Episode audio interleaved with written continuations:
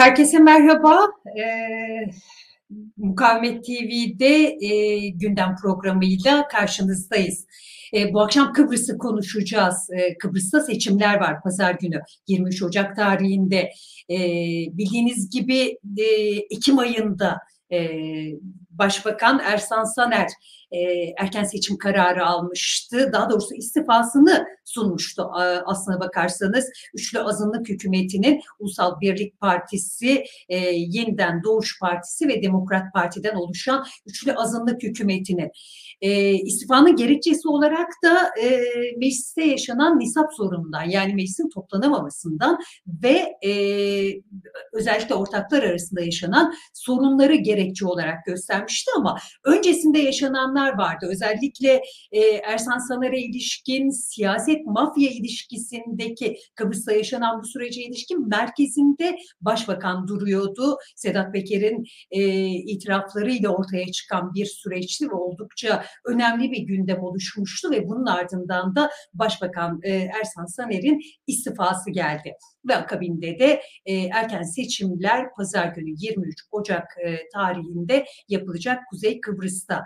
E, yani e, seçmenler sandığa gidecekler. Şimdi seçimlere kimler katılıyor? E, Ulusal Birlik Partisi, Cumhuriyet Cumhuriyetçi Türk Partisi, Halkın Partisi, Demokrat Parti, e, Toplumcu Demokrat Partisi, Yeniden Doğuş Partisi, Toplumcu Kurtuluş Partisi, Yeni Güçler ve Bağımsızlık Yolu e, pazar günü seçimlere katılıyor. Bağımsızlık yolu ilk kez katılıyor seçimlere. E, iki adayla, iki milletvekili adayıyla girecekler seçimlere. İşte o adaylardan biri Hakan Tanıttıran bu akşam bizimle birlikte olacak. E, Hakan Tanıttıran e, Aynı zamanda e, Türkiye sol siyasetini de yakından tanıdığı isimlerden biri, e, Türkiye'de uzun yıllar e, mücadele vermiş isimlerden biri. E, evet Hakan, hoş geldin yayınımıza. E, ben sesi alamıyorum e, Hakan'ın. Beni duyabiliyor musun Hakan? Ben, ben duyuyorum, sen duyamıyor musun? Evet, evet. Şimdi e, aldım sesi. Tekrar hoş geldin yayınımıza. Hoş bulduk. E, şimdi hemen şunu sormak istiyorum. E, bütün ayrıntıları konuşacağız. Ee, Kıbrıs'taki hem e, ekonomik krizi, salgın sürecinde gidilen seçimleri, e, bir taraftan e, aslında Kıbrıs sorununu, sosyoekonomik yapısını bütün ayrıntıları konuşacağız ama önce bir sıcak durumu sorayım. Nedir hava Kıbrıs'ta? Sokağın gündemi nedir? Seçime günler kaldı. Nasıl bir tablo var şu an Kıbrıs'ta? Ee, şimdi seçim, seçimle ilgili bir düzeltme yapayım ondan sonra başlayalım. Bağımsızlık yolu 50 adayla katılıyor seçimlere Dilek. E, toplam 50 milletvekili var zaten şeyde e, seçilmesi gereken. E, tüm bölgelerde tam sayıda adayla katılıyoruz. Şimdi Kıbrıs'ın kuzeyinde de gündem e, aynı Türkiye'deki gibi geçim. Seçime de e, damgasını vuran şey geçim. E, aslında e, biz de burada Kıbrıs'ta Türkiye'li emekçiler gibi e, büyük bir hayat gailesiyle karşı karşıyayız. Ee, Türk lirasının aşırı değer kaybetmesi, Türkiye'deki ekonominin rayından çıkması, e, Türkiye'de yaşayanları vurduğu gibi Türk lirası kullanan e, ve e, Türkiye'den başka bir nefes alma borusu olmayan böyle bir şey bırak bırakılmamış bir toplum olarak e, Kıbrıslıları da vurmuş durumda. E, toplumsal hayat e, derinden etkilendi bu süreçten. E, bütün zamları biz de burada katmerli bir biçimde yedik. Ee, ve e, gerçekten seçimler insanların sorunları çözebilecek bir hükümet arayışlarına e, yönelik değil. Çünkü herkes biliyor ki burada e, burada çıkacak sonuçlar onların hayat mücadelelerini e, çok da iyileştirmeyecek, onlara bir destek vermeyecek. Çünkü bütün ekonomik hayatın kendisi e, Türkiye'nin ekonomisiyle göbekten bağlı. E, ayrıca da buradaki sistemle de e, Türkiye'nin ilişkisi bağlamında söylüyorum bunu. Sistemle de e, sistemden de kaynaklanan sorunlar var. Bunu daha sonra ilerleyen şeylerde dakikalarda çözeriz. Konuşuruz. Hakan hemen o araya gireceğim. Aslında Türk lirasıyla yani e, buradaki e, atmosfer, Türkiye'deki atmosfer doğrudan Kıbrıs'a yansıyor. Bunu söyledim ama ilginç bir şey var. Doğru mu biliyorum bilmiyorum ama e, bir taraftan evet e, yani Türk lirasıyla e, orada ekonomi dönerken diğer taraftan da örneğin kredileri poundla alıyorlar. E, Kıbrıs'ta, e, Kuzey Kıbrıs'ta yaşayanlar. Doğru mu biliyorum? Böyle bir açmaz da var sanki. Şöyle, e, Kıbrıs'ın uzun yıllar İngiliz sömürgeciliğinden kaynaklanan bir geçmişi var. O uzun yıllar geçmişten kaynaklanan alışkanlıklar var. E, onun içinde bu, o alışkanlıklardan kaynaklanan bir yerden e, burada kiralar, araba fiyatları, ev fiyatları sterlin üzerinden hesaplanıyor. E, ama gelirlerin tamamı TL üzerinden, maaşlar TL üzerinden.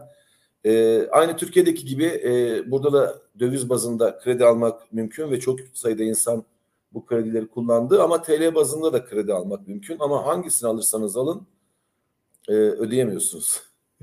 Yani evet bu, bu ilişki doğrudan çok keskin bir biçimde yansıyordur mutlaka. Peki e, bağımsızlık yolu ilk kez seçimlere giriyoruz dedik. E, aslında sen beni düzelttin. Ben iki milletvekili olarak biliyordum ama 50 milletvekiliyle katılıyorsunuz. Şimdi evet. e, bir taraftan e, boykotlar konuşuluyor. E, seçimlere ilişkin olarak özellikle soldaki iki parti Yeni Kıbrıs Partisi ve Birleşik Kıbrıs Partisi bu konuda e, boykot etme kararı aldı. E, nedir durum? Yani sokakta böyle bir tablo var mı? E, hakikaten böyle bir yansıma var mı? Ya da varsa niye var? Türkiye'nin bu noktadaki etkisi e, bunda bir neden midir? Nedir durum? Siz ne düşünüyorsunuz? Çünkü e, ona karşı da açıklamalarınız var bağımsızlık yolu olarak. Yani boykot çok e, tepeden bir tartışmaya girmiş olduk ama boykot e, savunan arkadaşlar var ve bu boykotun e, işte tırnak içine olarak da kullanayım e, çeşitli gerekçeleri var ve e, işgal dönem e, yıllar döneminde işgal e, ortamında seçim yapılamayacağına dair e, hiçbir şey yapılamayacağına dair bir argümandan besleniyor. Bağımsızlık yolu olarak biz buna katılmıyoruz. Onu söyleyeyim önce. Ee, onun için de seçimlere giriyoruz. Bizim için bağımsızlık yolu için seçimler e, bir mücadele aracı, bir mücadele e, yöntemi. Yani sokaktaki bir mücadeleyle parlamentodaki bir mücadeleyi birbirinden ayıran bir perspektifimiz yok. Biz bunun e, bir bütün mücadele e, durumunun e, parçaları olduğunu düşünüyoruz. O açıdan da e, biz her koşulda mücadele ederiz. E, zaten Kıbrıs'ta da e, açıkça söylemek gerekir ki Kıbrıs işçi sınıfının ve Kıbrıs emekçilerinin büyük e, bir mücadele tarihi vardır ve bu mücadele tarihinin altın sayfaları da 40'lı 50'li yıllarda tam da İngiliz sömürgeciliğinin e, Kıbrıs'ta egemen olduğu tam da tam anlamıyla bir işgalin olduğu yıllarda verilmiştir. Hatta İngiliz sömürgeciliğinin en yeni olduğu zamanlardan e, itibaren de Kıbrıs'ta mesela bir Kıbrıs Komünist Partisi deneyimi vardır ve bu Kıbrıs Komünist Partisi deneyimi e, Kıbrıs'ta elenlerle Kıbrıs'ta Türklerin ortak kurduğu ve o gün e, uzun yıllar sonra gündemimize devam, e, girecek olan Enosis e, siyasetine karşı bir Komünist Parti örneği olarak da İngiliz sömürgeciliği döneminde e, bir bağımsızlık e, mücadelesinin öncülü olarak vardır. Yani e, emekçiler açısından e, mücadele o kadar elzemdir ki bir hayat mücadelesidir. Biz e, Kıbrıs'ta Kıbrıs sorunu başta olmak üzere tüm sorunların birbiriyle bağlantılı olduğunu, bu bağlantıların önemli bir kesenin de emek ekseni olduğunu, emek mücadelesi olduğunu düşünüyoruz. Şimdi e, Kıbrıs'ta de facto bir devlet var. De facto yani olmaması gereken. Ama var. Maaş dağıtan, sınırları olan, sınırlarından kimin geçip kimin geçemeyeceğini belirleyen, kimin zengin, kimin fakir olacağını belirleyen, verdiği teşviklerle, topladığı vergilerle, e, hangi ok çocuğun hangi okula gideceğini belirleyen, e, okullarda e, nasıl bir eğitim verileceğini belirleyen bir devlet var. Şimdi iki şey yapabilirsiniz. E, biri yok bunu görmezden gelirsiniz ve günlük yaşamınıza devam edersiniz. Ama o devam şöyledir. İşte burada işinizi yapar, yaparsınız, ticarethanenizi açarsınız, maaşınızı çekersiniz, emeklilik ücretini, e, maaşlarını alırsınız. Yani günlük yaşamda e, her şeyi yaparsınız Ama bir seçim yapamazsınız. Yani seçim olmaz dersiniz. Ya bunu seçersiniz ya da e, de facto bir devletin de devlet olduğunu ve e, burada e, bir mücadele edilmesi gereken emekçilerin, işçilerin, yoksulların, çiftçilerin, köylülerin sorunlarını e, gündeme getirerek bunun mücadelesini vermeyi seçersiniz. Bağımsızlık yolu mücadeleyi seçmiş durumdadır. Her koşulda mücadeleyi seçer bağımsızlık yolu. Yani emekçiler e, her koşulda mücadele eder. İşgal koşullarında da, sömürge koşullarında da, bağımsızlık koşullarında da. Çünkü biliyoruz ki bu koşulların hiçbir tanesi mücadele etmeden aşılamayacak e, koşullar, e, mücadele etme, etmeden aşılamayacak konulardır. E, Kıbrıs sorunu da mücadele etmeden aşamazsınız. E, gelir adaletsizliğini eşitleyemezsiniz mücadele etmeden. Mücadele etmeden hiçbir şey yapamazsınız. Yani e, e, hangi koşulda yaşarsanız yaşayın, evinizde bir sorun çıktığı zaman, çocuğunuz hastalandığı zaman e, ya da bir e, kiranızı ödeyemediğiniz zaman bir mücadele edersiniz. Bununla uğraşırsınız. Alırsınız çocuğunuzu e, hastaneye götürürsünüz falan. Bu, vatan da böyle bir şeydir. Uğrunda mücadele edilmesi gereken bir şeydir. Ve biz bu mücadeleyi e, bir bütün olarak görüyoruz. Bu mücadelenin bir aracı olarak da seçimleri ve parlamentoyu görüyoruz. Ama bütün e, mücadelemizi de e, seçimler üzerine yıkmıyoruz. Böyle bir şey yok. O açıdan da e, öncüllerimiz e, bizim e, başarı başarısızlık öncüllerimiz de sistemin öncüllerinden farklıdır. Biz başarıları e, parlamentoya girmek, e, şu kadar oy almak, bu kadar bilmem böyle görmüyoruz. Çünkü bizim için pazartesi günü hayat kaldığı yerden devam edecektir. Biz sokakta bulduk birbirimizi. Sokakta mücadele ederek başladık ve sokakta mücadele etmeye devam edeceğiz. O yüzden e, bağımsızlık yolu diyor ki bu seçimlerde e, Tam onu soracaktım aslında. Bağımsızlık yolu ne diyor bu seçimlerde? Yani e, ilk kez giriyor, e, nasıl bir e, politik önermesi var, ne söylüyor? Gerek ekonomik yapıya az evvel bahsettiğin gerek emekçilere gerekse bir bütündeki Kıbrıs'ın kuzeyine ilişkin nasıl bir tahayyülü var, ne söylüyor? Ee, bunu söyleyeceğim ama istersen, e, sen de uygun görürsen bağımsızlık yolu nasıl oluştu, nereden doğdu? Bunlara bir şeyler söylemek ha, isterim. Tabii, tabii, tabii. Bir şeyler çok, söylemek çok isterim ki e, söyle, daha sonra söyleyeceğimiz şeyler yerli yerine otursun.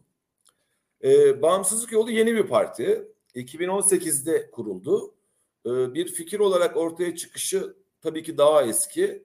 E, bir siyasi hareket olarak 2000, 2010'lu yılların ortalarından itibaren e, vücut buldu. Ama bir, bir fikir olarak e, çok daha eskilere bir mücadele geleneğine yaslanıyor aslında. E, bağımsızlık yolu kendisinden önce varlığını sürdüren bugün de e, bizim gururumuz olan Baraka Kültür Merkezi e, olarak varlığını sürdüren insanların insan e, çevresinin e, siyasette açtığı bir yoldur açıkçası. Oradan yola çıktık. Aslında o da e, Kıbrıs Türk Devrimci Hareketi'ne yaslanır gelenek olarak. Kıbrıs Türk Devrimci Hareketi e, 1970'lerin Türkiye'sinde e, Türkiye'de yer alan, e, Türkiye'de okurken devrimci mücadeleye katılan, e, devrimci yolcu, kurtuluşçu gençlerin ülkelerine Kıbrıs'a döndükten sonra oluşturdukları e, bir dernektir. E, Halkler. Bağımsızlık yolu da bu Halkler geleneğinin üzerinde yükselir açıkçası. E, bu Halkler konusunda e, Kalkedon yayınlarından bizim Genel Sekreter Yardımcımız Münir Rahvancıoğlu'nun yazdığı bir kitap olarak çıktı. Halkler Kıbrıs Türk Devrimci Hareketi. Çok e, merak edenler mesela edenlere ben o kitabı okumalarını öneririm. Ben burada ayrıntılarına girmeyeceğim çünkü bizi çok aşar. Ee, biz Kıbrıs Türk siyaset, siyasal hayatında e, bir eksikliği dolduruyoruz şu anda. Bir e, bir boşluğu dolduruyoruz. Biz Kıbrıs Türk siyasal hayatında emek eksenli bir siyaset yapan Kıbrıs sorunu dahil olmak üzere bütün yaşadığımız sorunları ki bunların bir kısmı temel sorunlardır. Hepsini emek mücadelesiyle e, gündeme getiren ve o ortak kesen olarak emek mücadelesi seçen bir, bir siyasal partiyiz. Biz bağımsızlık yolu olarak e, 2018'de yasallaştık. Ben de bağımsızlık yolunun kurucu üyesiyim. E, benim açımdan e, kendisi içinde var olduğum siyasal partinin adaylığıdır benim milletvekili adaylığım. Bağımsızlık yolu bu seçimlere şöyle yaklaşıyor sevgili Dilek. Ee, biz e, ana sloganımız e, ilk, hükümete değil muhalefete talibiz. Şimdi yani ne demek bu? Evet ne demek bu? Güzel yani e, ne demek olduğunu sordun hemen söyleyeyim. Şimdi biz e, bu bizim bir iktidar perspektifimiz. Biz e, Kıbrıs'ın kuzeyinde hükümet olmanın iktidar olmadığı anlamını geldiğini biliyoruz. Bunu e, yıllardır yaşıyoruz. Kıbrıs'ın kuzeyinde hükümet olanlar iktidar olamıyorlar.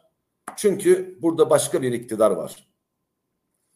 Ee, burada e, sermaye sınıfının bir iktidarı var. Bütün hayat onların etrafında dönüyor. Ve hükümetler de, siyasal partiler de bütün faaliyetlerini, bütün icraatlarını bu sermaye sınıfının e, çıkarına şekillendiriyorlar. Böyle olunca e, hükümet olsanız da olmasanız da e, hiçbir şey değişmiyor. Çünkü hükümet başkaları. Buna e, Türkiye'nin, buna geleceğiz. Türkiye'nin Kıbrıs Türk siyasal hayatına, Türkiye yönetenlerin demek daha doğru, Kıbrıs Türk siyasal hayatına e, müdahalesi de e, bir iktidar e, sorunu haline geliyor. Bütün bunlar birleştiğinde e, bağımsızlık yolu olarak biz diyoruz ki biz e, burada hükümet olmak için mücadele etmiyoruz.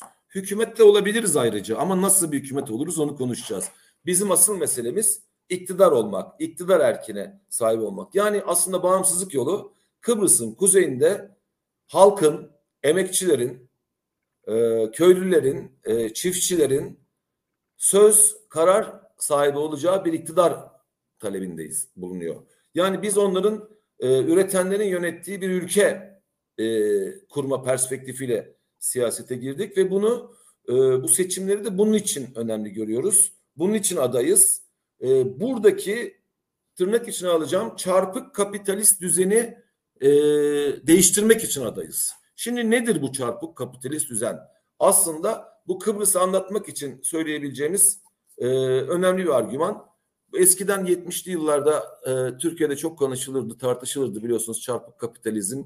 Konuşulurdu çarpık kapitalizmin çarpığı mı olur, düzgünü mü olur? Bu böyle bir siyasal tartışma argümanıydı.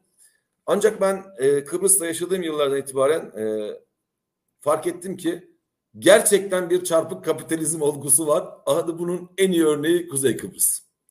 Şimdi Kuzey Kıbrıs'ta biz e, kapitalizm demiyoruz, e, sermaye düzeni diyoruz. Zaten kelimenin tam anlamıyla kullanıyoruz. E, sermaye düzeninin ilginç bir yapısı var. Buradaki burada üretici bir sermaye yok. Burada kapkaççı bir sermaye var. Bu ne demek? Bu şu demek. Buradaki sermaye e, katma değer üreten, gerçek üretim ilişkileri içinde kendini ifade eden bir sermaye değil. Fabrikalar açmıyor mesela. E, gerçekten ihtiyaç olan üretim ilişkilerine girmiyor. Başka bir şey yapıyor. Şöyle bir şey yapıyor. Buradaki sermaye sınıfı e, başından itibaren devlet eliyle ya da kamu kaynaklarının transferiyle oluşturulmuş e, sermayedarlardan oluşuyor. Bunlar müthiş bir kamu düşmanlığı yapıyorlar. Kamuyu sürekli e, eleştiriyorlar, rakamları büyütüyorlar. E, Kıbrıs'ın bir memur cenneti olduğunu, bütün kaynakların e, kamu emekçilerine aktığını, bunun değişmesi gerektiğini argümanını sürekli e, tekrarlıyorlar. Bunu yaparken de bir amaçları var. Bu sermaye grupları e, kamunun yatırım yapması gereken yerlerden çekilmesini ve yatırım yapmamasını sağlamaya çalışıyor. Çok kapkaççı bir sermaye. Şimdi bak e, insanın insan olmaktan doğan ihtiyaçları var. Nedir? Eğitim, sağlık, ulaşım, barınma. Doğru mu? Şimdi Kıbrıs'ın kuzeyinde kamunun buralara yatırım yapması engelleniyor. Var olan yatırımlar değersizleştiriliyor. Bu sermaye sınıfı da buraya geliyor yatırım yapıyor. Hazır ihtiyaçları ihtiyaç olan insanın varlığını devam ettirmesi için ihtiyacı olan alanlara kamunun girmesini engelleyerek kendi giriyor. Ne yapıyor? Mesela teker teker ele alalım. Eğitim. Kıbrıs'ın kuzeyinde kamu eğitimi zayıflatılmış durumda. Kamu e, maliyesinden kamuya aktarılan e, okullara aktarılan şeyler o kadar düşük, düşük ki okullar tuvalet kağıdı alamıyor. E, okullar sabun alamıyor. E, okullara kaydolmak için kamu okullarından bahsediyorum. Ücretsiz olması gereken okullara. Çocuğunuzu götürdüğünüzde sizden kayıt parası adı altında e, ücret istiyorlar. Bir tür sanki ücretli bir okulmuş gibi, paralı bir okulmuş gibi. E, eğer bu ücret ödemezseniz e, sizi aşağılıyorlar mesela. Diyorlar ki nasıl yani hiç mi kazanmıyorsunuz? Yani insanlar bu aşağılanma karşısında gidiyor borç alıyor, şey yapıyor, e, kredi alıyor filan geliyor o paraları ödüyor. Sonra ne işte kadar benzerlik gösteriyor aslında çok farklı bir durumdan bahsetmiyoruz. Yani Türkiye ve e, evet, tabii ki benzerliği var. Benzerliği var ama farklarını da söyleyeceğim. Şimdi böyle olunca e, normalde bir bu Kıbrıs halkının e, temel hakkı olan kaliteli, ücretsiz bir kamu eğitiminden yoksun bırakılıyor. Ve bu alanda e, özel sektör okullar açmaya başlıyor. Yüksek fiyatlara e, buradan e, insanlar çocuklarını Kıbrıs kültüründe aile bağları geleneksel olarak hem güneyde hem kuzeyde çok güçlüdür. Aileler çocuklarını ölene kadar çocuk sayarlar. Torunlarını ölene kadar çocuk e, torunları olarak görürler ve hayatlarını ona adarlar. Böyle bir kültür yapısı vardır burada. Çok önemsediği için e, özel okullara gönderiyorlar. E, burada bir parantez açık bir şey söylemek istiyorum. Kıbrıs e, okuma oranı olarak, üniversite mezunu olarak dünyanın en çok e, üniversite mezunu olan e, bölgelerinden iki tanesinden bir tanesidir. Biri Filistin'dir, ikincisi Kıbrıs'tır. Kıbrıs'ın kuzeyidir.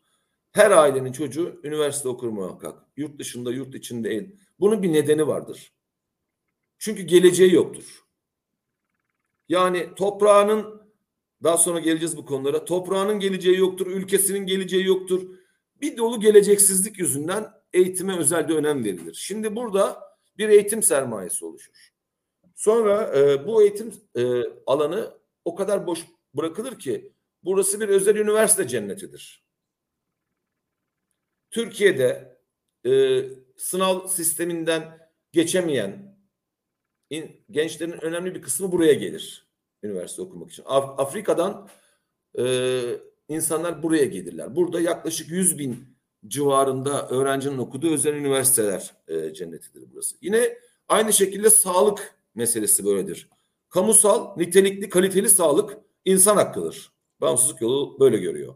Şimdi burada e, size bir örnek vereyim.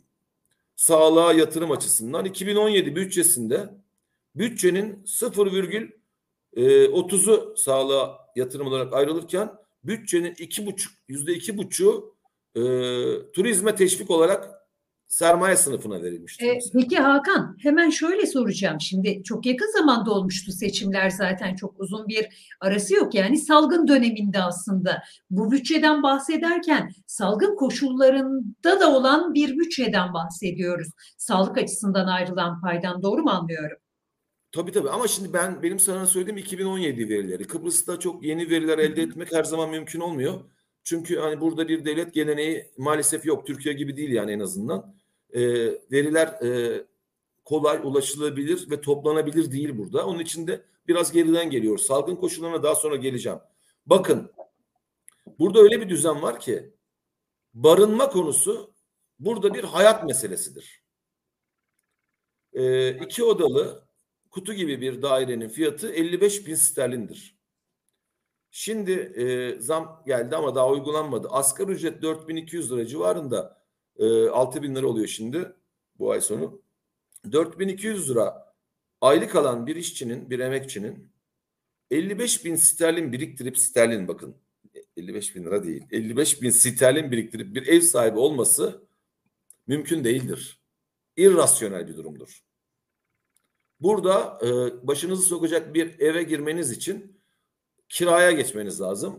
O da 200 sterlin civarındadır. Her şey sterlinle hesaplanır.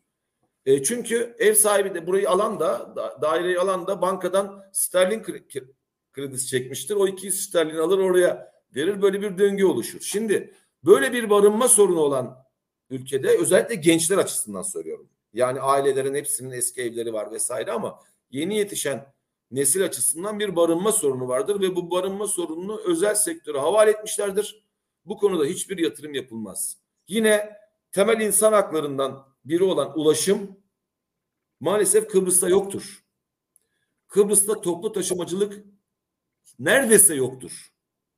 Yani şehirler arası birkaç otobüs seferini saymazsanız şehir içi ulaşımda hiçbir şey yoktur. Otobüs de yoktur, minibüs de yoktur. Hani onları geçtim. Raylı sistem akıllarına bile gelmiyor. Herkesin arabası vardır burada. Araba almak zorundasınızdır. Yani bir evde iki kişi varsa çalışan ayrı ayrı işe gidiyorsa iki araba almak zorundasınız. Çocuklar okula gidiyorsa üç araba almak zorundasınız. Hal böyle olunca bu ay sonu 6 bin olacağını söyledi ve bu koşullarda. Evet. evet. Şimdi burada insanların kaç para alırsa alsın öncelikleri oluşuyor. Ne yapıyor? Araba almak zorunda çünkü işe gidemez. Araba almak zorunda bir yere gidemez. Herhangi bir e, yolculuk yapamaz.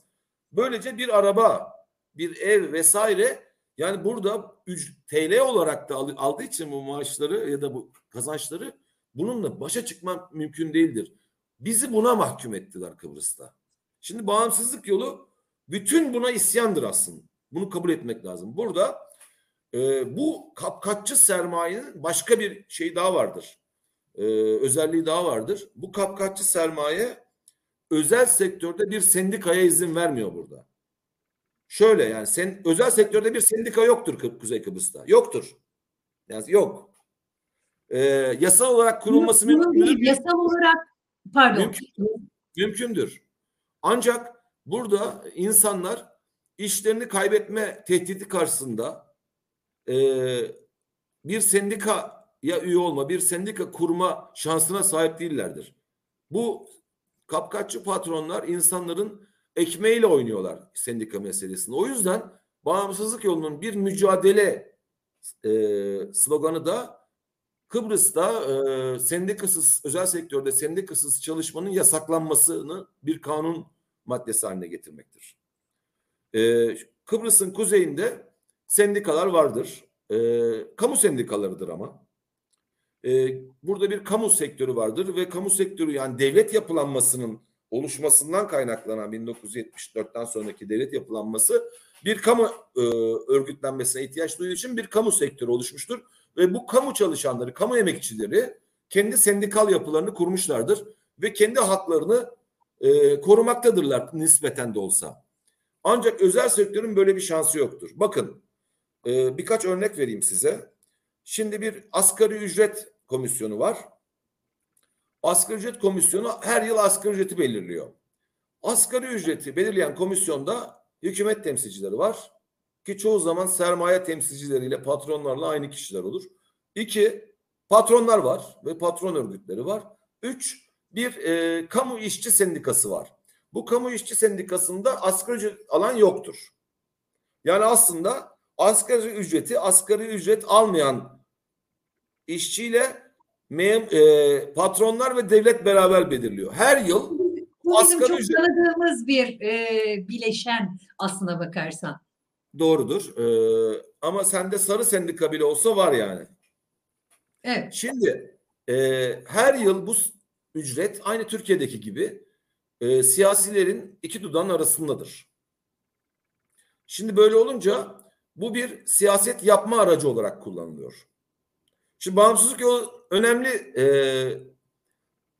savunularından bir tanesi e, altına çizerek savunduğumuz konulardan bir tanesi de asgari ücretin belirlenmesinin otomatiğe bağlanmasıdır. Biz bağımsızlık yolu olarak diyoruz ki asgari ücret en düşük kamu maaşına eşitlenmelidir. En düşük kamu maaşına eşitlendiği andan itibaren iki Bugün tane şey var. En düşük Efendim? kamu maaşı ne kadar? Söyleyeceğim. Bir, bir, bitireyim hemen söyleyeyim onları. Şimdi e, iki şey olur. Bir tanesi burada özel sektör çalışanları ki halleri perişandır. Çok uzun saatlere yayılan e, mesaileri vardır. Çok ağır koşullarda çalışırlar e, ve çok düşük maaş alırlar. Bunlarla kamu emekçisini birbirine düşüren bir şeydir bu konu.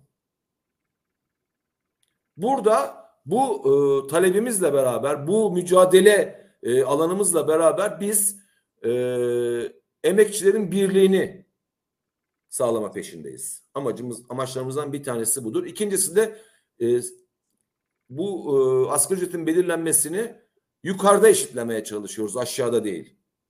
Yani bunu bir siyasilerin de bir siyaset yapma aracı, iktidarların, daha doğrusu hükümetlerin bir ulufe gibi Osmanlı dönemindeki ulufeler gibi padişahın verdiği bir şeymiş gibi sunmasını da artık engellemek istiyoruz. Bu öyle bir şey değildir. Çünkü bu emekçilerin asgari koşulda adı üzerine ama açlık koşulunda yaşayabilecekleri bir miktardır. Şimdi e, burada e, bürüt e, 7 bin küsür sanıyorum 6 bin liraya yakın bir e, miktar belirlendi asgari ücret olarak. E, kamuda iki gün önce okudum işte e, kamuda da e, 10 bin lira bürüt 9, e, 9 bin küsür bürüt 8 bin küsürde bir az şey var e, en düşük maaş var. Yine aralarında 2500 lira civarında e, bir açı farkı var. Yani biz bizim dediğimiz olursa e, 8 bin lira 8500 lira civarında bir yerde hem e, kamu çalışanının, kamu emekçisinin hem özel sektör emekçisinin e, şeyden eşitleme şansı olabilir. Bu da işçi sınıfının birliği açısından e, vazgeçilmez bir taleptir bizim açımızdan. E, istersen e, sen sor ben devam edeyim biraz. E, aslında ben e, hemen şunu söylemek istiyorum. Şimdi sen anlatırken e, ben de biraz e, bölgeye ilişkin anlamaya, okumaya çalışırken e, aslında muhalefetteki ya da e, diğer siyasi partiler açısından bu talepler biraz sizin etkinizde olabilir mi? Yavaş yavaş gündeme getirilmeye başladı sanki. E, ben yanlış mı e, görüyorum? E, ne dersin öyle bir duruma? Gerek sağlık açısından gerek eğitim açısından hani ücretsiz sağlık ya da bu tür yatırımlar açısından e, çok duymadığımız şeyleri artık e, diğer siyasi partilerden de duymaya başladık. Bu çoğu zaman çünkü sokağın ve solun baskısıyla olan şeylerdir. E, bağımsızlık yolunun buna e, katkısı ve etkisi nedir diye sormak istiyorum aslına bakarsan. Güzel güzel bir yere değindin. Aslında e, hani Türkiye'de çok konuşulan bir tabirle cevap vereyim. Bağımsızlık yolu seçimlere katıldığı andan itibaren e, Kıbrıs Türk siyasal hayatının kimyasını değiştirdi. Yani bizim e, varlığımız e, bile sola çekti talepleri ve e, Kıbrıs Türk siyasal hayatını e, düzen partileri, rejim partileri e, bunu dikkate almak zorunda kaldılar. Kimileri doğrudan bizim taleplerimizi iki yıldır, mesela iki yıl önce e, bir dörtlü hükümet zamanında ki içinde sosyal demokrat partiler de vardı. E, dörtlü hükümet zamanında bir yasa önerisi olarak yani yasa maddelerini hazırlayarak bağımsızlık yolunu sunduğu e, asgari ücret en düşük kamu maaşına eşitlensin talebimizi o gün reddeden o dörtlü hükümetin partilerinden bir tanesi örneğin e, bunu seçim programı, programına koydu. Biz tabii e, sadece e, eşitlemekle yetinmiyoruz. Biz Kıbrıs'ın e, kuzeyinde e, alışa gelmiş bir şey var. Bir hayat e, pahalılığı e, e, katkısı var maaşlara. 6 ayda bir. Türkiye'de de yapıyorlar ya e, işte 6 ayda bir şu kadar zam. Burada da var. Biz bu hayat pahalılığı e, konusunun iki ayda bir maaşlara yansıtılmasını da asgari ücret tartışmalarıyla beraber gündeme getiriyoruz. Yani nasıl siz benzin fiyatları arttığı zaman pompalara iki günde bir güncelliyorsunuz. Biz de emekçilerin e, hayat e, pahalılığı karşısında ezdirmemek için aynı şeyi iki ayda bir istiyor. Hadi biz insaflıyız iki ayda bir idare ederiz diyoruz. E, iki ayda bir e, söylüyoruz. Şimdi başka şeyler var. Daha ilginç olanlar var. Burada Kıbrıs'ın kuzeyinde e, tam sağ politikalar izleyen kimi partiler ve onların milletvekillikleri daha radikal öneri buldukları daha önce bizim önerilerimizi dillendirmeye başladılar. Servet vergisi. Biz evet. diyoruz ki servet vergisi şudur. E, biz Kıbrıs'ın kuzeyinde e, ultra zenginler denen bir ekibin olduğunu tespit ettik. Hatta bu Forbes'in e, 500 kişilik dünya zenginlerin sıralamasına giren insanlar var burada Kıbrıs'ın kuzeyinde. Ee, ama bunların ödedikleri vergiler inanılmaz komik. Bunlar bunca yıl boyunca bizce haksız biçimde edindikleri bir servete sahipler. Bunlar kamu teşvikleriyle büyütülmüş durumda. Şimdi kamuya borç verir pozisyondalar ve hala teşvik istiyorlar. E, bu kesimden toplumun yüzde ikisi diye tanımlayabileceğimiz bir kesimden bu birikmiş servetten bir yıl e, bir kerine e, bir servet vergisi alınmasını önerdik. Bunu da pandeminin ortasında da önerdik. Şimdi dükkanların kapalı olduğu, geçimden başka hiçbir e, yani işinden başka hiçbir geçim aracı olmayan emekçilerin dükkanlarının kapalı olduğu, çalışmadığı, esnafın kapalı olduğu, herkesin evinde oturduğu bir yerde büyük sıkıntılar yaşandı Kıbrıs'ın kuzeyinde. Bunu aşmak için kamunun destek atması gerektiğini söyledik. E, ve bu desteğe kaynak yok diyenlere de kaynak vardır. Kaynak sizin bugüne kadar beslediğiniz bu ultra sermayedir dedik. Dünyanın her yerinde de sadece bizde değil İngiltere gibi büyük kapitalist ülkelerde bile uygulanan bir yöntem olmuştur şey servet vergisi. E, böyle bir vergi e, uygulamanız gerektir dedik. Şimdi bunu Geldi çaresi, peki? Yok gelmedi tartışılıyor ama bunu savunan sağ parti milletvekilleri daha çünkü hükümet kurulmadı hiçbir şey olmadı. Ee, Şu, şunu sordum aslında. Yani salgın döneminde bir katkı hani servet vergisi gündeme gelmemiş olsa bile e, özellikle e, bu ekonomik e, etkisi nedeniyle salgının da bir katkı geldi mi devletten e, çalışanlar ya da esnaf açısından? Yok bir 1500 liralık bir katkıdan bahsediliyor. Kimileri aldı, kimileri alamadı. İşte bütün o iki yıl boyunca e, 1500 liradan başka bir şey yok ortada. O da pek çok insan alamadı. E, vatandaş olmayanlar zaten burada e, hiçbir hakka sahip değil neredeyse. E, onun için de vatandaşlık meselesi de ayrı bir gündem olarak tekrar konuşabiliriz istersen. Böyle bir katkı olmadı. Burada insanlar yoksulluğa ve sefarete e, sevk edildiler. E, çal, e, kapanmadığımız zaman, evde olmadığımız zaman da işçi sınıfı açısından, emekçi sınıfı açısından e, ya açlık ya hastalık ikilemi burada da bize dayatıldı. Yani o hastalık koşullarında e, çalışmak mecburiyetinde olan insanlar oldu Kıbrıslı Türkler.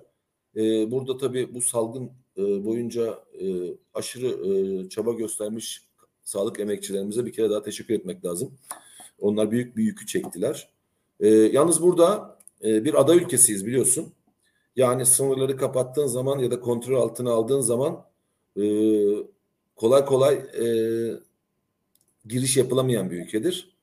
Ee, Nedir ama, bu salgının durumu? Yani önlemler alındı mı? Şu anda e, adanın kuzeyinde nedir bu durum? Bitti mi salgın orada? Yok hayır. Şu anda salgının zirve noktasında yaşıyoruz. Ee, 2020'nin yazında e, ben de karantinayla gelebildim ülkeme. E, o dönem e, Temmuz aylarında filan e, salgın sıfırlandı. Sıfır vakaya düşmüştü böyle dünyanın çeşitli yerlerine kıyasla e, çok iyi durumdaydık. Ancak e, özellikle kumarhaneler ve büyük otel sermayesinin baskısıyla e, insanlar e, büyük sıkıntılara sokuldu. Kapılar açıldı, kumarcılar geldi, salgın yayıldı ve artık önünü al, aç, alamayacak kadar e, yayıldı Kıbrıs'ta. E, Kıbrıs'ta dün işte dört ölü vardı mesela bu Kıbrıs için. Yani Kıbrıs'ın salgındaki ilk bir yılının e, bilançosu 25 vefattı. E, ancak bugün geldiğimiz noktada 200'lere yaklaşıyoruz şu anda. E, her gün çok sayıda insan ölmeye başladı. E, vakalar bin düzeyine yükseldi. E, ve sağlık sistemi bunu kaldırmaya yeterli bir sağlık sistemi yok burada. Bu terk edilmiş, unutulmuş bir sağlık sistemi var burada. E, bütün e, yük çalışanların, emek sağlık emekçilerinin sırtına e, bırakılmış e, ayarsız bir ülke burası. Gerçekten ayarsız bir ülke. Ee, burada sağlık sistemi o kadar kötü ki mesela burada beş tane kaza var. Yani e, burada şehir sistemi yok. İlçe düzeyindedir Kıbrıs'ın e, kurumsal yapısı yani kamu yapısı. E, Lefkoşa bir ilçedir. Girne bir ilçe, ilçedir. İşte e, İskele bir ilçedir. Mesela İskele diye bir ilçe var. Bu Karpaz bölgesi. O bölgeler. Mosova'dan yukarıda. Çok e, Kıbrıs'ın en nadide en güzel bölgelerinden biridir. Orada yaşayanlar e, unutulmuş insanlardır. En çok da Türkiye'li kökenli Kıbrıs Türklerdir bunlar. Orada bir hastane yoktur biliyor musun? Koca bölgede hastane yoktur. Hiçbir şekilde hastane yoktur. Karpaz'da yanlışlıkla kalp krizi geçirseniz Mausa'daki hastaneye gelene kadar yolda rahmetli olursunuz yani. Durum o kadar vahimdir. Oradaki insanlar özellikle Türkiye'den e, oraya getirilmiş, oraya yerleşmiş 40-50 yıldır orada yaşayan artık bu odanın bir parçası olmuş, e, Kıbrıs Türk halkının e, bir parçası olmuş ama orada unutulmuş insanlar vardır. Şimdi e, o insanlar e, müthiş zorluklar içinde yaşadılar bu hayatı. Kıbrıs'ın kuzeyinde Anlam planı sonrası bir takım gelişmeler oldu. Şimdi şöyle Kıbrıs sorununa girelim mi istersen buradan madem Tam ee, aslında bağımsızlık yolu nasıl bakıyor diyecektim. Ee, ben de aslında şunu sorarak belki sözü bırakayım sana. Ee, bağımsızlık yolu olarak siz e, Kıbrıs'ın uluslararası statüsünü nasıl tarif ediyorsunuz? Nereden bakıyorsunuz? Yani iki devletli bir çözüm mü, federal e, bir yapı mı? E, çünkü aynı zamanda şununla birlikte soracağım sokaktaki yansıma nedir? Anlam planına yanlış bilmiyorsam yüzde 65 ile e, evet demişti e, adanın kuzeyi. Şimdiki durum ne? E, biraz oradan doğru tarif edersen e, hem sizin bakış açınızı hem de sokaktaki yansıması halkın genel talebi açısından. Ee, tamam. Ee, Kıbrıs'ın kuzeyinde sorunların önemli bir kısmı da e, Kıbrıs'ın e, bu pozisyondan biraz evvel konuştuğumuz pozisyondan kaynaklanıyor zaten. Ee, ben iskeleyi anlatırken de bu pozisyona e, dikkat çekmek istemiştim ama oraya geri döneceğim. Kıbrıs'ın e, statüsüne bakışınız ne dediğinde Kıbrıs'ın bir statüsü yok. Yani şimdi e, e, bir Kıbrıs sorununun çözümü için e, uzun yıllar geçti. Kıbrıs sorunu çok çetrefilli bir sorundur. Ve bugün bugüne dair bir sorun değildir. Onun altını çizeyim. Kıbrıs sorunu e, Osmanlı'dan başlayan bir sorundur. E, ve Osmanlı'dan bugüne e, devam eder. Her dönem nitelik değiştirir, biçim değiştirir ama sorun kendini varlığını devam ettirir. O zamandan itibaren sürekli yeni aktörler girer soruna e, ama sorun varlığını sürdürür. Giren aktörler de bir türlü çıkmaz. Yani e, Osmanlı zamanında e, o, burada bir sorun e, var varken İngilizler İngilizlere devredildi biliyorsunuz Osmanlı e, Abdülhamit'in bir iki dudağın arasında bir e, imzaladığı bir kağıtla beraber e, İngilizlere devredildi e, ve İngiliz sömürgeciliği başladı. Kıbrıs Türk halkı o zaman Kıbrıs Türk halkı değildi. O zaman e, Müslüman ada halkıydı. O zamanlar Müslümanlık yoktu. O zaman başkaydı Kıbrıs'taki sorun. E, Kıbrıs'ta elenler o zaman Kıbrıs'ın Rumlarıydı. Onlar da bir e, şey sınıf şey e, ulus bilinci e, Türklerden önce geliştiği için onlar Yunanistan'a birleşme hayali içinde bir e, 1800'lerin e, neredeyse ikinci yarısından itibaren e, bir siyasal pozisyon almışlardı. Sorun o zaman öyleyken e, Kıbrıslı Türkler de e, o zamanki Müslüman kimliklerinden 30'lu yıllarda özellikle Türkiye'de e, Cumhuriyet'le beraber e, bir Türk kimliğin inşasıyla beraber e, hızla Müslüman kimliklerini Türk kimliklerine çevirdiler. Oraya dönüştüler. Laik, e, cumhuriyetçi bir e, muhteva kazandı Kıbrıs Türk halkının yapısı. E, ama sorunlar devam etti. Şimdi İngilizler girmişti. E, 1950'lere kadar Türkiye'nin e, neredeyse Kıb bir Kıbrıs sorunu şeyi yoktu. Kıbrıs sorunu yoktu yani. Öyle bir sorun yoktu yani Türkiye açısından. E, 1950'lerden sonra uzun tutmayayım. E, Türkiye girdi. Yunanistan girdi. Sonra e, Amerika girdi, Kissinger girdi. E, bir dolu e, güç girdi. Sonra Birleşmiş Milletler girdi. Şimdi Avrupa Birliği girdi. Sürekli bir yeni e, müdahale girdisi var ama kimse çıkmıyor sorundan. Her giren sorunun içinde kalıyor. Kıbrıs sorunu böyle bir sorun. Şimdi geldiğimiz Doğru, aşama. Birleşmiş Milletler'in Cenevre'deki görüşmelerinde de aslında söylediğine benzer bir sonuç e, çıktı ya da böyle ifade ettiler. Gerçi belgeler sızdı ama bu Kras Montana görüşmelerini soruyorsun. Evet, evet. Ona da gelelim. Şimdi e, sonuca gelirsek Kıbrıs'ta e, bağımsızlık yolu e, bir federasyon seçeneğini e, savunuyor. Neden bir federasyon seçeneğini savunduğunu söyleyeyim size. Yani özel olarak tercihimiz federasyon, federasyondan başka bir şey olmaz falan değil. Bir e, federasyonun buradaki sorunları çözebileceğini düşünüyoruz. Ama bu federasyonun neden bu sorunları çözeceğini düşündüğümüzü de söyleyeyim. Biz Kıbrıs'a Türk halkının uluslararası bir statüye sahip olacak bir çözüm arıyoruz. Ancak bununla da yetinmemek gerektiğini, bunun e, tek başına sorunu çözemeyeceğini, Kıbrıs'ı da birleştiren bir çözüm olması gerektiğini düşünüyoruz. Çünkü Kıbrıs ufak bir ülke. Biraz sonra gireriz. Doğu Akdeniz e, e, ne derler rezervleri, fosil yakıt rezervleri vesaire gibi konular e, çerçevesinde uluslararası güçlerin, emperyalist ülkelerin, bölgesel güçlerin e, cirit attığı bir coğrafyada yer aldığı için bunlarla mücadele edebilmek için asgari ölçüde bir bütün olması gerekiyor.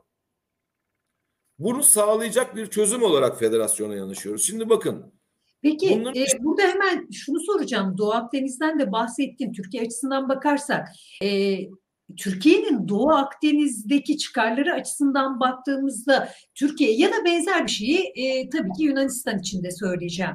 E, buna e, yani bu defakto bir devlet varken bunun e, bundan vazgeçer mi? Böyle bir şey mümkün olabilir mi? Çünkü bir taraftan da münhasır ekonomik bölge e, açısından da çok önemli, kritik olarak bir noktada duruyor. Kuzey Kıbrıs e, Türkiye açısından baktığımızda. Ee, yani yanaşır mı buna Türkiye sadece açısından söylüyor? Türkiye yönetenlerin olay yaklaşımı başka bir mesele. Ee, bizim yaklaşımımız bu çerçevede başka bir mesele.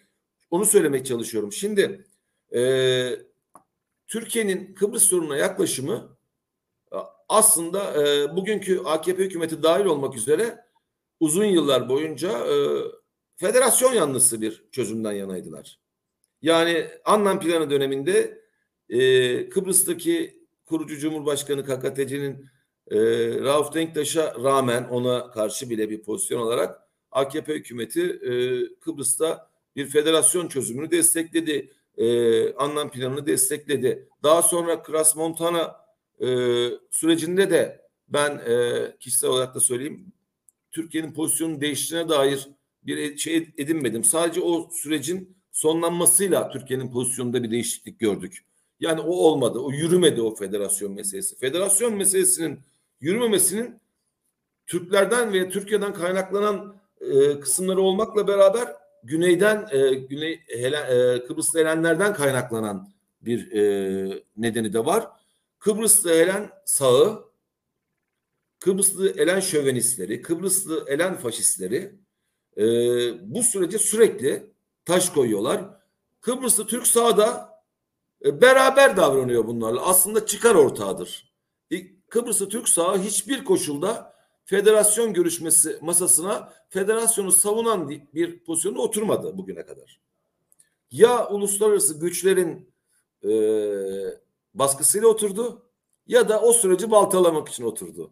Şimdi gelinen noktada bize e, Kıbrıs'ı Türk halkına İlk artık bu süreç bitti. 50 yıldır federasyonu denedik. Şimdi iki devletli çözüm e, masalı anlatıyorlar. Halbuki öyle mi durum? Hayır. Yani 1974'ten sonra KKTC'yi 83'te kurduğunuz anda o güne kadar da Kıbrıs Türk Federe Devleti vardı. E, Federe Devlet adı üstünde bir federasyon e, müzakereleri için kurulmuş bir devletti. E, o devleti lağvedip bir KKTC kurduğunuz andan itibaren aslında siz iki devletli bir çözüme geçmişiniz demektir. Aslında başarılamayan şeyin kendisi 50 yıldır iki devletli bir çözümdür. İki devletli bir çözüm e, başar tırnak için olarak kullanayım ama ya da altını çizeyim başarılmış olsa bile Kıbrıs'ı birleştirmeyecek bir çözümdür. Onun için tek başına bizim beklentilerimizi karşılamaz ki. Aslında bugün tartıştığımız iki devletli çözüm 50 yıldır denenen ama başarılamayan bir çözümdür. Türkiye e, yönetenler de aslında 50 yıldır başarılamayan bu çözüme e, artık bundan sonraki devletli çözüm diyerek aslında bugünkü Doğu Akdeniz siyasetleriyle ilgili bir ihtiyaçtan yaklaşıyorlar. Şimdi uluslararası ilişkiler e, karşılıklı ilişkilerdir. Uluslararası ilişkiler eşit ilişkilerdir ama çıkar ilişkileridir de. Türkiye ile Kıbrıs Türklerin ilişkisi e, ne yazık ki bir eşit ilişki değil. Şimdi Türkiye normal olarak e, bir uluslararası ilişki olarak tanımlıyorsa eğer Kıbrıs'ta Kıbrıs'ın kuzeyle olan ilişkilerini Türkiye'nin çıkarları üzerinden yaklaşıyor. Ama buradaki sorun Kıbrıs'ı Türklerin çıkarı üzerinden yaklaşan bir e, Kıbrıs'ta Türk yönetimi yok. E, ve Türkiye'nin de bunu olması için özel bir çabası yok. Halbuki ben e, Türkiye'nin ulusal çıkarlarının da Kıbrıs'ta Türklerin iradesini kırarak Kıbrıs'ta Türklerin e, iradesini ezerek kurulamayacağı, oradan kurulamayacağını düşünüyorum. Çıkarı burada değildir. Türkiye'nin çıkarının irade sahibi, kurumları gelişmiş e, bir Kıbrıs'ı Türk halkı, bir Kıbrıs'ı Türk devletçi yani Fedri Federe devletiyle beraber anlamlı olduğunu düşünüyorum. Bu yıllar geçecek. Türkiye'de iktidarlar değişecek ama değişmeyecek olan şey e, bir ortak e, kültüre de sahip olan e, Kıbrıs Türklerle e, Türkiye'nin Türk halkının arasındaki ortak kültüre sahip olan bu iki dost ve kardeş halkın birbiriyle sevgi ilişkisi, ilişkisi geliştirebileceği ama birbirinin e, bir iradesine saygı gösterebileceği bir uluslararası temeldir. Türkiye bunu yapmıyor. Bir şey soracaksın biliyorum ama Türkiye bunu yapmıyor. Türkiye bunca yıldır e, Kıbrıs'a yardım ediyor. Maddi olarak da yardım ediyor. E, başka şeyler de yapıyor. Bunu nereden yapıyor? Bu tartışma ayrıdır ama bunu Kıbrıs'ı Türklerin iradesini, Kıbrıs'ta Türklerin kurumlarını güçle, güçlendirmek için yapmıyor. Asıl yapılması gereken yani kardeş, dost e, tavrı e, buradaki kurumların güçlenmesi, yeni oluşacak bir Kıbrıs Cumhuriyeti'nde Kıbrıs'ı Türklerin kurumsal olarak güçlü işler e, bir sisteminin olmasını sağlamaktır. Türkiye'ye yönelik en büyük eleştirim budur. E, askeri Peki, meseleler dışında. Hemen burada şunu soracağım. Hem bu açıdan hem bu başlık açısından hem de diğer başlıklar açısından seçildiniz ve hükümet oldunuz.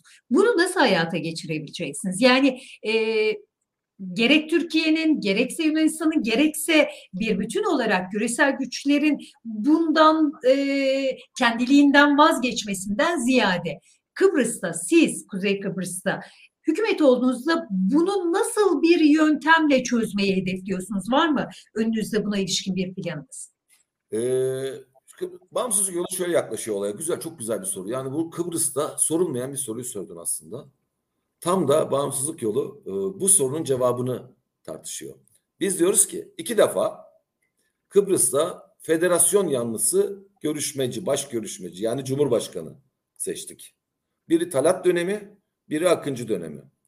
İkisinde de e, özellikle Kıbrıslı e, Elen Kıbrıslı Elen sağı, Kıbrıslı Elen şövenizmi ve Kıbrıslı Elen faşizmi e, bu sürece taş koydu. Kıbrıslı Türk sağı da bunu güçlendirdi. Sonuçta bir türlü oluşamadı. Çünkü Kıbrıslı Türk halkı böyle bir çözümü, bir federasyon çözümünü olgunlaştıracak bir süreç yaşamıyor. Sadece görüşme masası kuruluyor ve görüşme masasında bütün her şey bizi temsil eden insanların iki dudağının ortasına bırakılıyor. Bu e, bir açmaz oluşturuyor. Bir B planı lazım. Yani böyle olursa yani mesela iki dönem iki dönem karşılaştığımız şeyler olursa nasıl davranacağımıza dair bugünden hazırlanmamız, bugünden bunu kurmamız lazım. Bu bir süreçtir. Burada emekçi kurumlarını güçlendirmek gerekiyor. E, Kıbrıs Türk emekçisinin sürece aktif, Kıbrıs Türk halkının sürece aktif katılımını sağlamak gerekiyor. Şimdi boykotçu arkadaşlarda da bu var. Bazı e, kesimlerde de, başka kesimlerde de var. Kıbrıs sorununun e, kendi irademizle çözülemeyeceğini, bunu çözmeye yetecek gücümüz olmadığı, bunun için de bu çözümü Birleşmiş Milletler'e, Avrupa Birliği'ne havale eden bir yaklaşım var. Bağımsızlık yolu çok açık ve net söylüyor. Kıbrıs sorununu emperyalist güçler çözemez. Emperyalist güçlerin çözdüğü sorun mu vardır hayatta? Emperyalist güçler işte görüyorsunuz Kıbrıs'ın her tarafında Fransız, Amerikan, e, bölgesel güçler olarak Türkiye, Yunanistan, İsrail, Mısır herkesin gemileri var. Şimdi bu gemilerle yapar siyasetini. Oradaki e, fosil yakıtların nasıl çıkarılacağı, nasıl pazarlanacağı üzerinden kurarlar kendilerini. Avrupa Birliği de böyledir sonuç itibariyle. Avrupa Birliği de merkez ülkeler e, merkezdeyken çeperiyle bir e, sömürge ilişkisi kurmuş bir yapıdır. Bakın Yunanistan'da asgari ücret 800 liradır. Almanya'da 2000 eurodur, 800 eurodur, Almanya'da 2000 eurodur. Neden? Hani Avrupa Birliği vesaire. Şimdi durum buyken bunu çözemezsiniz. Kıbrıs'ın e, kuzeyinde bazı siyasi partiler, sol siyasi partiler diyorlar ki biz artık TL kullanmayalım. Euro kullanalım muhasebe sistemi açısından. Her şeyi Euro endeksleyelim. Biz de diyoruz ki çok güzel yapalım da Euro'ya endeksleseniz ne olur? Şimdi bize 6 bin lira asgari ücret belirlediniz. Bu 6 bin lirayı Euro'ya çeviririz. 375 Euro yapar. Bugün yarın kaç para olacağı belli değil. Güneyde Avrupa Birliği'nin kenar ülkelerinden Kıbrıs Cumhuriyeti'nde bir emekçinin asgari ücreti 825 Euro'dur. Siz 375 Euro benim yoksulluğumu korumaya çalışmamı öneriyorsunuz. Ben ise emekçinin gelirini e, güneydeki diğer emekçiyle eşitlemeye ve barışı ve bir Kıbrıs'ı birleştirmenin kurumsal olarak burayı orayla eşitleyerek gidebileceğimiz bir yol olduğunu söylüyorum. Diyorum ki hatta bunlardan daha da ileri gidebiliriz diyorum. Şimdi biz gelirleri arttıramayabiliriz diyor bağımsızlık yolu ama halkın barınmaya, ulaşıma, konuta, sağlığa, eğitime e, harcadığı paraları azaltırsak gelir arttıramazsak giderini arttırabiliriz ve bir nefes aldırabiliriz. Aynı şekilde bunları bir kurumsal yapıya emekçinin söz ve karar sahibi olduğu bir yapıya ulaş e, çevirebilirsek Kıbrıs sorununa da buradan müdahale edebiliriz. Buradan aktif bir özne olabiliriz. Buradan eğer Türkiye bizim e, çıkarlarımıza aykırı bir şey yaparsa onlara dönüp diyebiliriz ki bu bizim çıkarlarımıza aykırıdır. AB'ye diyebiliriz. Hepsine söyleyebiliriz. Ama burada bu mücadeleyi vermeden, bu süreci yaşamadan, bu gücü kazanmadan gideceğimiz e, bir yeni seçebiliriz de onu söyleyeyim yani önümüzdeki dönem bu dönemden sonra bu e, e, yeni Cumhurbaşkanımızdan sonra bir başka e, federasyon yanlısı Cumhurbaşkanı seçebiliriz. Ama aynı sorunları yaşarsak ne yapacağız? Yani Albert Einstein dediği gibi biz hem seçimlerde söylüyoruz burada da söyleyeyim. Aynı şeyleri yapıp farklı sonuçlar bekleyen salaklara dönüşmememiz gerekiyor. Biz bugün Kıbrıs e, seçimlerine de aynı şeyi söylüyoruz. Diyoruz ki e, bir düzenin bozukluğunu e, değiştirebilmek için o düzene yeni bir girdi lazım. Yani o düzenin bütün çarklarını aynı biçimde devam etmesini sağlayacak bir oylama, bir tercih yapıyorsanız bilin ki bu düzen değişmez. Ancak yeni bir girdi bu düzeni değiştirebilir. Bu yeni girdi de bağımsızlık yoludur. Bu düzeni değiştirebilir. Bağımsızlık yolunun e, şimdi sokaktaki karşılığı ne? Seçim çalışmalarınız nasıl gidiyor? E, yani gençler arasında, e, emekçiler arasında ve genel olarak bu seçim sürecinde nasıl bir tablo çıktı? Ne bekliyorsunuz? Kaç milletvekilliğiyle e, meclise gireceksiniz, girebilecek misiniz diye sormuyorum elbette. E, kaç kişiyle temsil edeceksiniz ama daha önemlisi e, sokaktaki yansımayı merak ediyorum.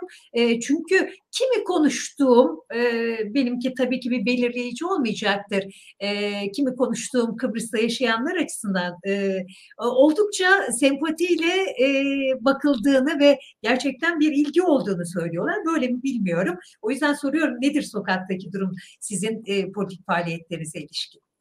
Valla e, bana sorarsanız biz seçimi kazandık. Yani bu kadar emekçi e, bir söylemin, bu kadar emekçilerin e, lehine önerilerin e, yapıldığı, bunu yapan bir siyasal partinin e, bu derece e, ilgi gördüğü, sokakta insanlarımız, tanımadığımız insanların bizi çevirip hocam helal olsun dediği bir ortam yaşıyoruz burada şimdi. Bu bize seçimi kazandığımızı gösteriyor. Şimdi bugün hükümet olan ya da e, parlamentoya giren ya da seçimlere giren partiler açısından bir başarı kıstası var. Başarı ne onlar için? Parlamentoya girebilmek. Hükümet olabilmek. Olmadı muhalefet olabilmek. Bizim krit buraya döneceğim ama bu bizim kriterlerimiz bunlar değil. Biz pazartesi günü e, seçim sonuçları ne olursa olsun parlamentoya girsek de girmesek de e, muhalefette kalsak ne olursa olsun mücadelemize devam edeceğiz. Biz diyorum ya sokakta bulduk birbirimizi, sokakta büyüdük. Sokaktan sesleniyoruz biz Kıbrıs Türk halkına. Bakmayın benim evden konuştuğuma şimdi. Şimdi durum şöyle e, sevgili Dilek. E, bugün seçimde e, Kıbrıs sahanın en büyük partisi Ulusal Birlik Partisi diyor ki biz tek başımıza iktidar olacağız. Kıbrıs'ın diğer partileri diyor ki CTP diyor ki mesela biz işte bir kurulacak hükümetin en büyük partisi olacağız. Bir koalisyon öneriyor. TDP diyor ki biz koalisyonun güçlü partisi olacağız vesaire. Şimdi öbürlerini saymıyorum. Sayabilirsiniz. Hepsi aynı şey söylüyor ama. Kimse demiyor ki arkadaş güzel de sen hükümet olamazsan ne yapacaksın? Diyorsun ki ben hükümet olacağım. Öbürüne de demi diyorum ki ya siz e, hükümet olamazsınız. Bu böyle bir koalisyon olmazsa ne yapacaksınız? Hiç kimsenin e, hükümet ya da dedi, birinci planları yani A planları olmazsa B planlarının ne olacağını hiç kimse söylemiyor bize. Hiçbirinin B planı yok. Ben size söyleyeyim. B planları bir önceki B planları. Bundan önce mesela e, meclisin muhalefet şöyle yapıyordu. Meclisin nisabını toplatmayıp meclisi bir araya getirmiyordu, evde oturuyordu. Ya böyle siyaset olur mu? Biz diyoruz ki bizim B planımız var. Hem de A planımızdan daha güçlü. Bu söylediğimiz, bu seçim süreci boyunca önerdiğimiz ki Kıbrıs'ın Kıbrıs'ın kuzeyinin de bütününe dair de tüm sorunlara cevap veren bir kitapçık yayınladık muhalefet programımız diye. Bunu iki yıllık bir çalışma içinde hazırladık. Bu seçimler için hazırlamadık. Kıbrıs'ın bütün sorunlarını masaya yatırdığımız için hazırladık. Dedik ki diyoruz ki şimdi biz biz e, bu program çerçevesinde pazartesine itibaren her yerde tekrar çalışmaya başlayacağız. Sokakta, sendika mücadelesinde, işte e, emekçilerin olduğu her yerde, çevrede, çevre mücadelesinde, işte doğanın talan edilmesinde, sağlıkta, eğitimde her yerde bizi göreceksiniz. Hemen şunu soracağım e, Hakan. E, kesin biliyorum ama e, özellikle Seçilmezseniz evet, seçilirseniz de bunu yapacak mısınız? Bu çünkü bu çok önemli bir nokta. Genellikle seçildikten sonra sahada görmüyoruz. Özellikle sağ siyaseti açısından bakıldığında. Valla biz e, seçilirsek de bu söylediklerimizi mecliste söylemeye devam edeceğiz. Mecliste e, bize ne derlerse biz bunları söyleyeceğiz. Atıyorum şimdi fazla şey yapmayın ama ya bu hükümete destek olur musunuz derlerse Diyeceğiz ki sendikasız çalıştırılma yasağınız yasağını koyuyor musunuz?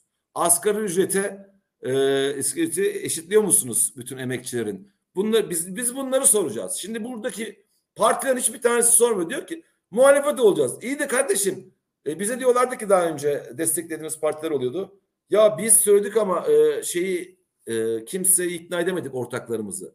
Ya bize diyoruz ki bizim vazgeçilmezlerimiz var. Programda yazdığımız konuların içinde vazgeçilmezlerimiz var. Sendika meselesi böyledir, asgari ücret meselesi böyledir. Doğayı kirletenler ödesin bir doğa vergisi sermaye için ödenimiz böyledir.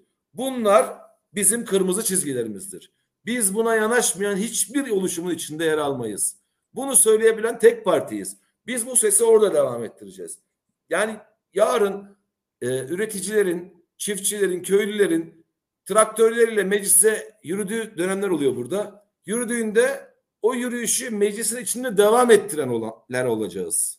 Şeyimiz bu. Başka hiçbir vaat vermiyoruz. Hiç vermedik. Bizim vaadimiz yoktur. Bizim tek bir vaadimiz var sevgili Dilek. Biz mücadeleden vazgeçmeyeceğiz. Bütün toplumsal şey yapılara seslen sesleniyoruz. İşçilere, emekçilere, köylülere, çiftçilere, esnaflara. Kendi sorunlarınız için yaptığınız her mücadelede omuz başınızda yan yana olacağız. Bizim sözümüz bu. Bizim vaadimiz bu. Milletvekili olursak da bu vaadi devam ettireceğiz. Olmasak da fark etmez. Bizim etkimiz meclistekilerden daha fazla buna inan. Peki e, şimdi sona gelirken şunu da sorayım. E, ne zaman Kıbrıs'ta seçimler konuşulsa Türkiye'nin, Türkiye siyasetinin e, aslında bu seçimlere müdahale ettiği, müdahale edeceği hep konuşulur. Bu seçimlerde böyle bir kaygınız var mı sizin de? Ee, yani Akıncı seçimlerindeki gibi bir, bir mücadele, şey, müdahale e, görmüyoruz. Öyle bir e, görüşüm yok benim. Partim de böyle bir şey söylemedi bugüne kadar. E, böyle bir müdahale görüyoruz ama bunu özellikle açık yapması gerekmiyor. Yani e, Kıbrıs'ta Türk sahanı e, biat e, ilişkisi çerçevesinde Türkiye yönlendiriyor zaten.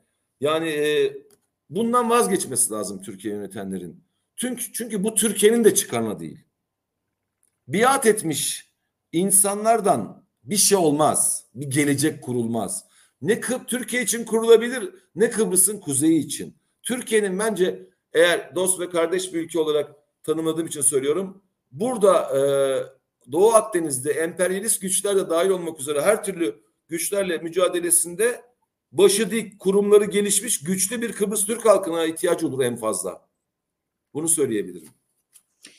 Peki, e, eklemek istediklerin varsa sözü sana bırakayım. Aksi takdirde kolay gelsin diyeceğim. Buyur. Birkaç şey eklemek isterim açıkçası. Evet. Ee, şimdi biz e, özellikle e, Türkiye Devrimci Hareketi'ne, Türkiye'nin aydınlık güçlerine, Türkiye'nin layık, demokratik e, yapısına, emek örgütlerine, e, Türkiye'deki e, kültür kimlik mücadelesi içinde mücadele eden yer alanların hepsine e, seslenmek istiyorum ben. Şimdi biz Kıbrıs'ta e, küçük bir halkız. Türkiye'nin Kıbrıs siyasetini buradan belirleme gücüne sahip değiliz. Ama bizim başka bir gücümüz var. Ben buna inanıyorum. Senin aracılığını da söyleyeyim. Biz e, Türkiye'nin aydınlık yüzüne güveniriz. Ve Kıp Türkiye'nin Kıbrıs siyasetini o aydınlık gücün e, belirleyebileceğini biliyoruz. O yüzden de e, bağımsızlık yolu e, Türkiye'nin aydınlık güçlerine, Türkiye'nin aydınlık yüzüne açık çağrı yapıyor. Bağımsızlık yolunun bu mücadelesini destekleyin. Bu mücadeleyi Türkiye'de bir karşılık yaratabilirsek bence e, gerçek anlamda e, bir çözüme daha yak, hızlı yaklaşırız diye düşünüyorum. Buna ihtiyacımız olduğunu da söylemeliyim. Peki çok teşekkür ederiz Hakan. Ee, hem sana hem bağımsızlık yolundaki tüm e, mücadele veren e, gerek adaylara gerekse partinin diğer unsurlarına kolay gelsin diyelim. Çok teşekkür ederiz tekrar yayınımıza katıldığın için. Evet e, bugün Kıbrıs'taki seçimleri konuştuk. Bütün ayrıntılarıyla konuştuk. Bağımsızlık yolu milletvekili adayı Hakan Tanıtıran'dı konuğumuz. E, çok önemli noktaların altını çizdi gerçekten. E, hem e, ekonomik yapıdan hem e, aslında Kıbrıs'ın e, uluslararası statüsüne kadar uzanan yelpazede bağımsızlık yolunun nasıl bir perspektif olduğu hatta bunun ötesinde hükümet olurlarsa neler yapacaklarını somut olarak altını çizerek aktardı bize. Evet 23 Ocak'ta hafta gözümüz Kıbrıs'ta olacak. Sonuçları göreceğiz. Haftaya yeniden konuşacağız bunları. Görüşmek dileğiyle. Müzik